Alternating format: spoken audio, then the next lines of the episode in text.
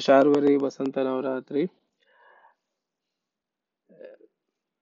ఎని- ఎనిమిదవ రోజు ప్రాతకాలం యాభైవ సర్గ ఓం అథ పంచాశ సర్గ ప్రారంభ.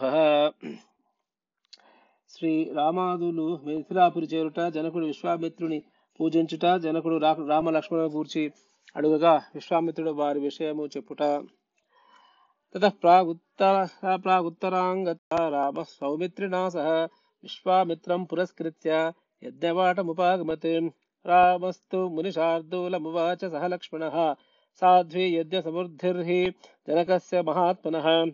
बहूनीह सहस्राणि नानादेशनिवासिनां ब्राह्मणानां महाभागा वेद वेदाध्यायनशालिनां ऋषिवाटाश्च दृश्यन्ते शकटी శత సంకల శృంఖల సంకలా సంకులాः దేశో విధేయతాం బ్రహ్మన్ ఎత్ర వత్స్యామహే వయం పిమ్మట రామ లక్ష్మణ సమేతుడైన రాముడు విశ్వామిత్రుడి వెంట నడుచుచు ఈశాన్య దిక్కు వైపు ప్రయాణం చేసి అంటే జనకుని వైపు యజ్ఞబా యజ్ఞబాటమును చేరెను. లక్ష్మణ సమేతుడైన రాముడు విశ్వామిత్రుడు ఇట్లా పలికాం మహాత్ముడైన జనకుని యజ్ఞ సంభారాదులు చాలా ఉత్తమముగా ఉన్నవి. మహాముని ఇచ్చట నానా దేశముల నుండి వచ్చిన అధ్యయన సంపన్నులైన బ్రాహ్మణులు వేల కొలది ఉన్నారు. వందల కొలది శకటములతో ఇరుకుగా ఉన్న ఋషి వాటికలు కనబడుచున్నవి. ఇచట మనము నివసించుటకు అనుగు అనువగు ప్రదేశమును వర్ణింపుము. రామస్య వచనం శ్రుత్వా విశ్వామిత్రో మహాముని నివేశ మకరోద్దేశే వివిక్తే సలిలాన్వితే విశ్వామిత్ర మనుప్రాప్తం శ్రుత్వా స నృపతిస్తదా శతానందం పురస్కృత్య పురోహిత మనిందితం ప్రత్యుజ్జగామ సహసా వినయేన సమన్వితః.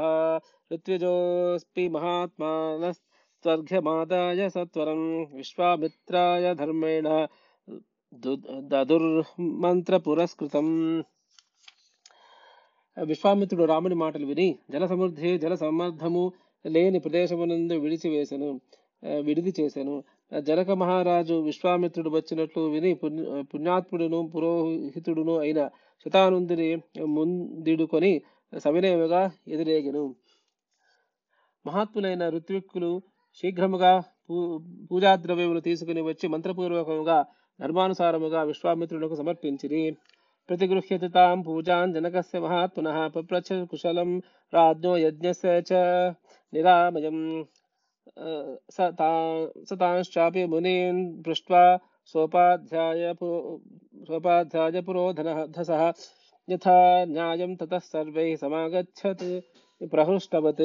अथ राजा मुनिश्रेष्ठं कृताञ्जलिरभाषत आसने भगवानास्तां सहेभिर्मुनिपुङ्गवैः। ఆసనే భగవానాస్తాం విశ్వామిత్రుడు మహాత్ముడైన ఆ జనకుడు చేసిన పూజలను అందుకుని నీవు కుశ కుశలముగా ఉన్నావా? యజ్ఞం ఎట్టి లోపం లేక జరుగుచున్నదా అని ప్రశ్నించెను. విశ్వామిత్రుడు ఉపాధ్యాయులను పురోహితులను మునులను న్యాయానుసారముగా కుశల ప్రశ్నలు వేసి వారందరితో కలిసి ఆనందముతో నుండెను. పిమ్మట జనకుడు అంజలి ఘటించి విశ్వామిత్రులతో ఇట్లా పలికను. ఓ పూజ్యుడా మునులతో కూడా నీవు ఆసనముపై కూర్చుండుము. జనకస్య వచ శ్రుత్వా నిశసాద మహాముని పురోధా ఋత్విజశ్చేవ రాజా చ సహ ఆసనేషు యథా న్యాయముపవిష్టాత్. समं ततः दृष्ट्वा स नृपतिस्तत्र विश्वामित्र तथा ब्रवीत्। अद्य यज्ञसमुद्धिर्मे सफला दैवतैः कृता। अद्य यज्ञफलं प्राप्तं भगवद्दर्शनान्मया। धन्योऽस्म्यनुगृहीतोऽस्मि। यस्य मे मुनिपुङ्गवा। हिप्नोपसदनं ब्रह्मन् प्राप्तोऽसि मुनिभिः सह। నెలకొని వాక్యం విని విశ్వామిత్రుడు కూర్చుండను. పిమ్మట పురోహితుడైన శతానందుడు ఋత్వికులను రాజును మంత్రులను కూర్చుండిరి.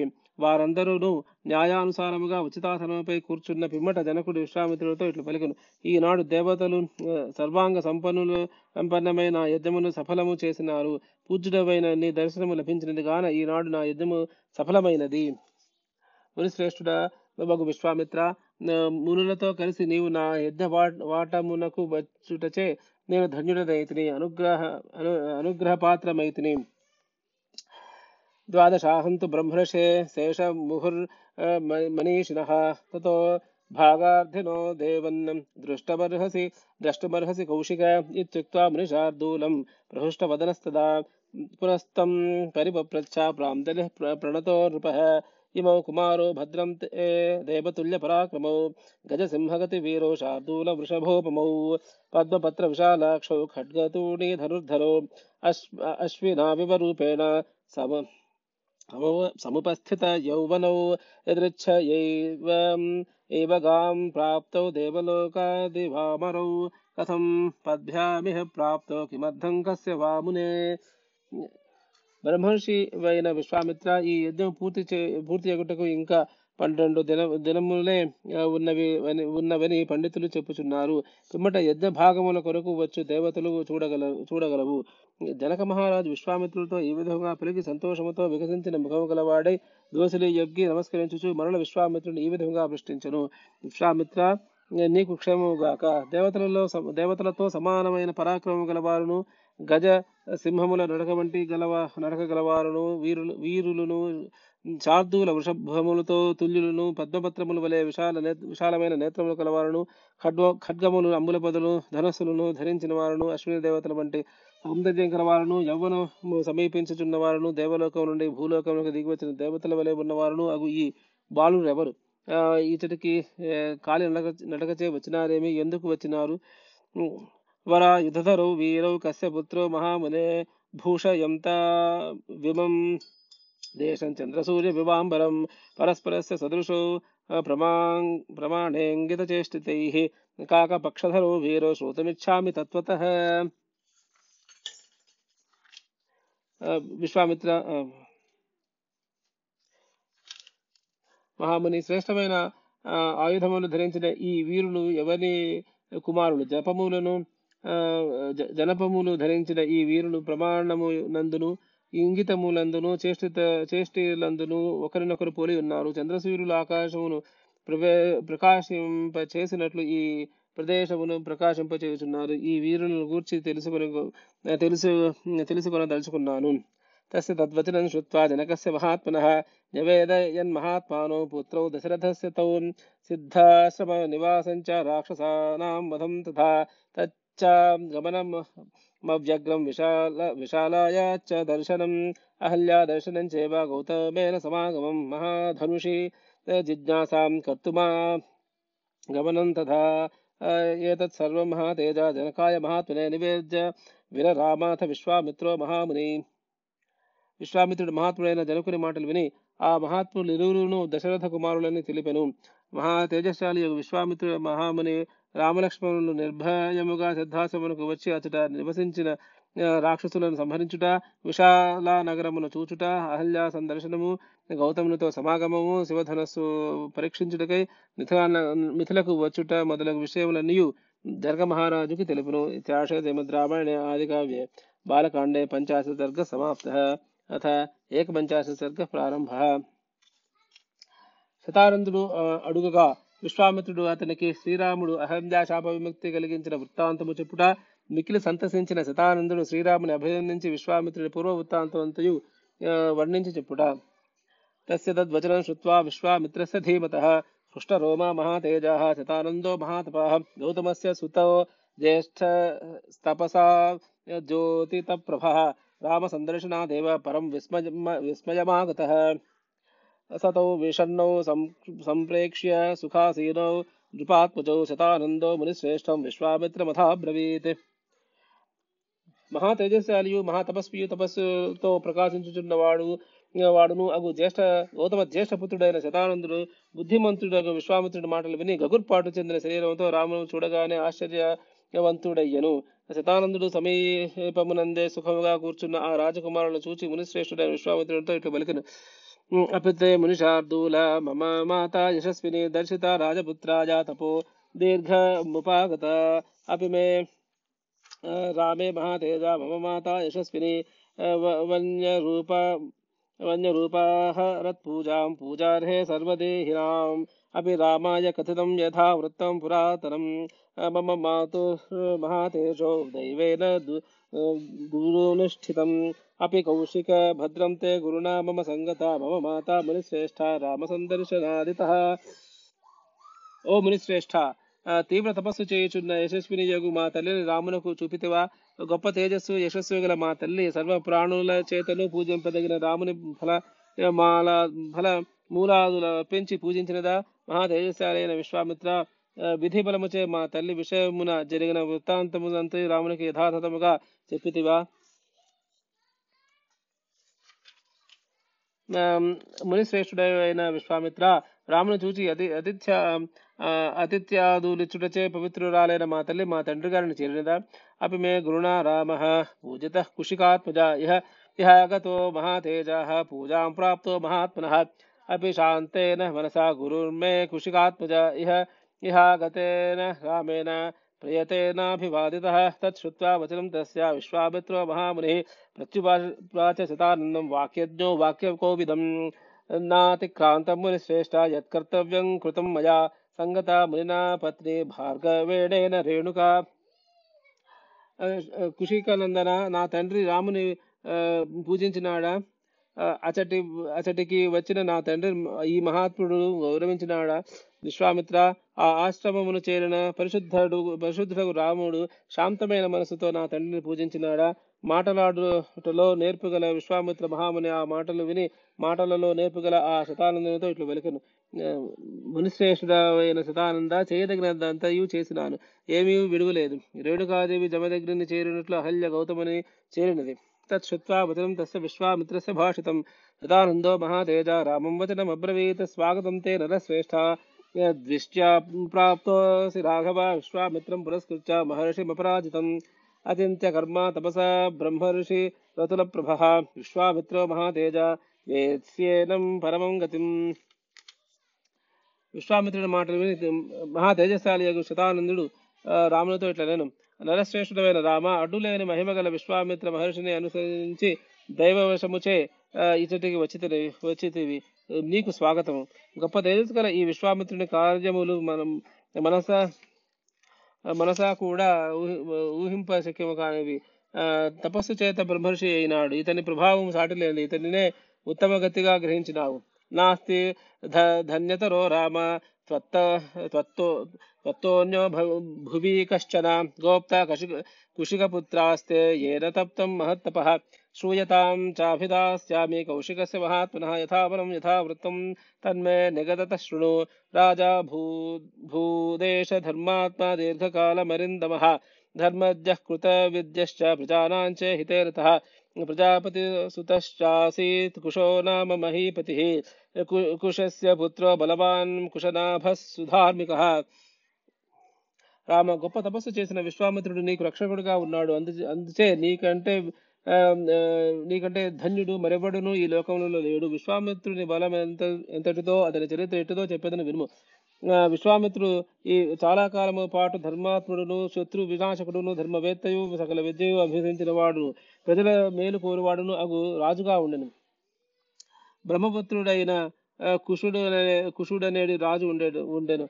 ఆ కుషునకు బలవం బలవంతుడును ధార్మికుడును అగు కుషనాభుడను కుమారుడు కుమారుడు ఉండెను కుషనాభ కుశనాభసు సుతస్వాసీద్ గాధిరిత్యేవ విశ్రుత. గాధే పుత్రో మహాతేజ విశ్వామిత్రో మహాముని. విశ్వామిత్రో మహాతేజ. पालयामास मेदिनीं बहुवर्षसहस्राणि राजा राजमकारेत् कदाचित् महातेजा योजन योजयित्वा वरुधिनीम् अक्षौहिणी परिवृतः పరేచక్రామేదినీం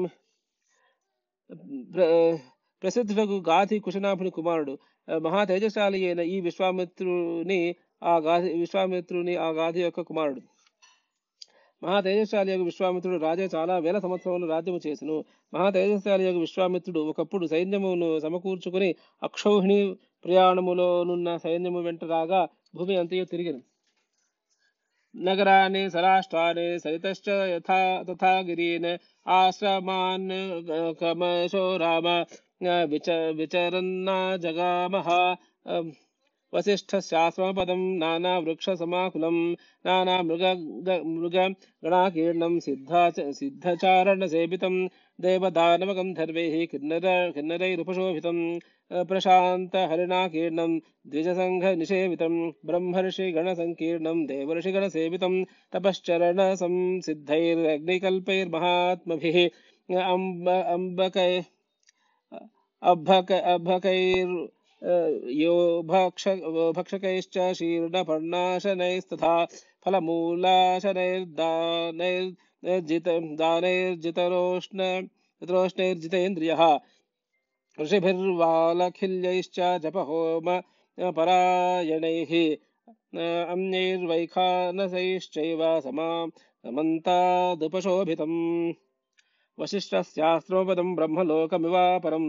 దదర్శ జయతాం శ్రేష్ఠో విశ్వామిత్రో మహాబల రామ విశ్వామిత్రుడు నగరములందును రాష్ట్రములందును నదీ గిరి ప్రాంతములందును ఆశ్రమములందును క్రమముగా సంచరించుచు వశిష్ఠుని ఆశ్రమం చేరును.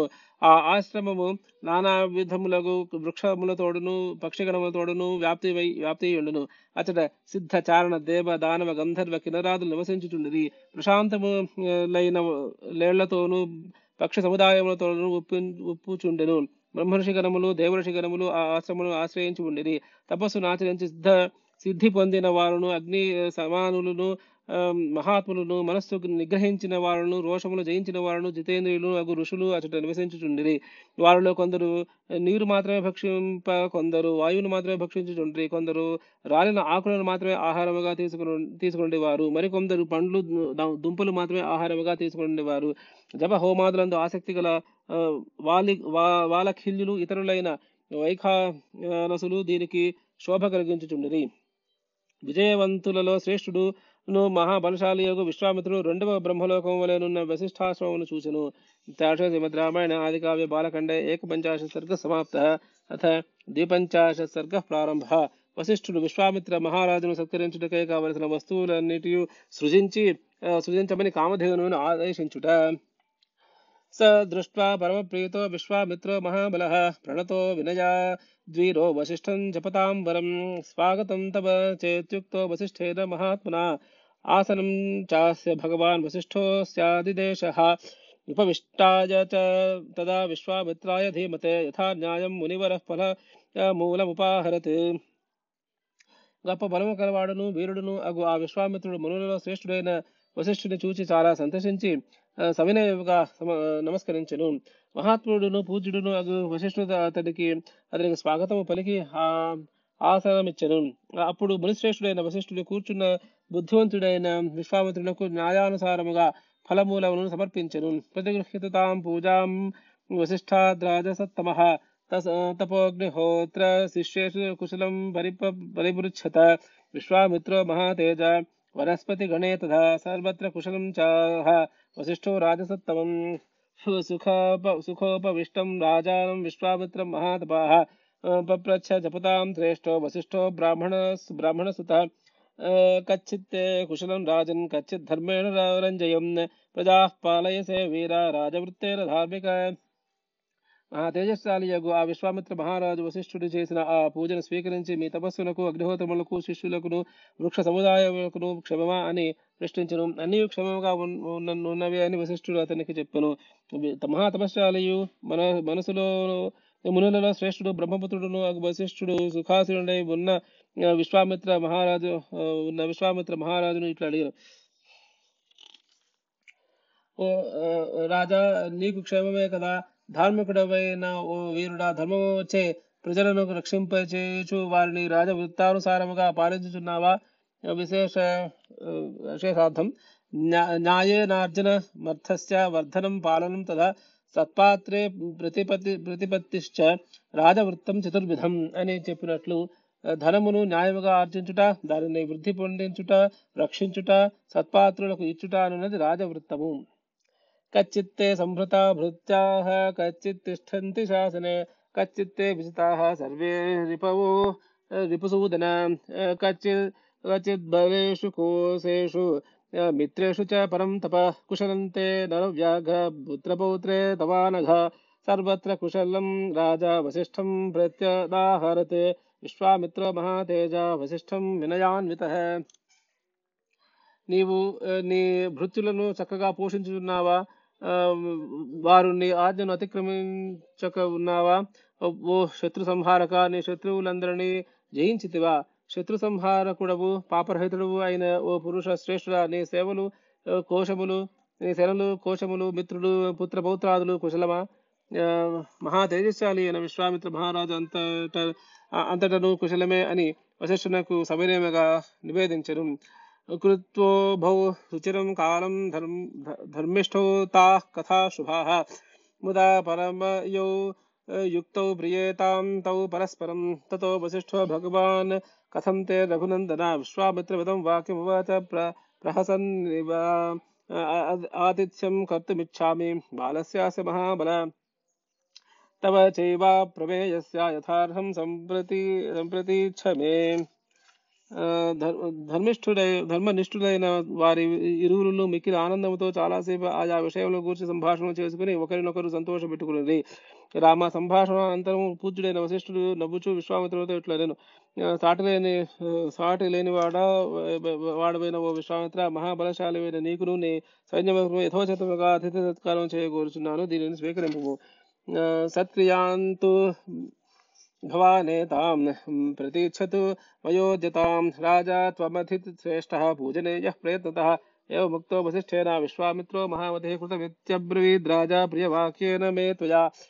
फलमूलेन भगवन् विद्यते यत्तवाश्रमे पाद्येनाचमनीयेन भगवद्दर्शनमेव च सर्वथा महा सर्वथा च महाप्राज्ञ पूजार्हेण सुपूजितः गमिष्यामि नमस्तेऽस्तु मैत्रेक्ष मैत्रे मैत्रेणेक्षस्य चक्षुषा ఆ, నీవు నేనిచ్చుచున్న ఈ సత్కారం స్వీకరింపుము ఆ, రాజువైన నీవు ఉత్తముడైన అతిథివి అందుచే నిన్ను ప్రయత్నపూర్వకముగా పూజింపవలసి ఉన్నది వశిష్ఠుని మాటలు విని ఆ, విన్న బుద్ధిశాలి యొక్క విశ్వామిత్రుడు ఇట్లు పలికం నీవు ప్రియమైన మాటలు పలికితివి ఇదే నాకు ఆతిథ్యము ఆ, ఓ పూజుడా. నీ ఆశ్రమంలో లభించు ఫలమూలాధికములు పాద్యమును ఆచరణను ఇచ్చి పూజ పూజార్హుడమైన నీవు నన్ను సర్వవిధములా సత్కరించింది ఇది ఇదియే చాలును నేను వెళ్ళదను. స్నేహపూర్వమైన దృష్టితో చూచుచుందుము.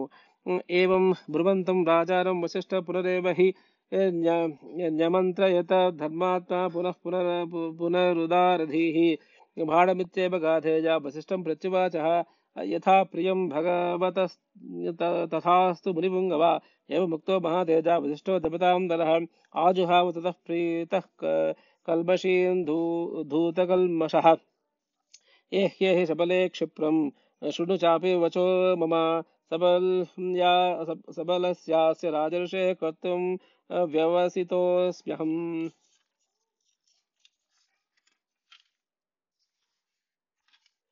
भोजनेन महार्हेण सत्कारं संविधत्स्व मे।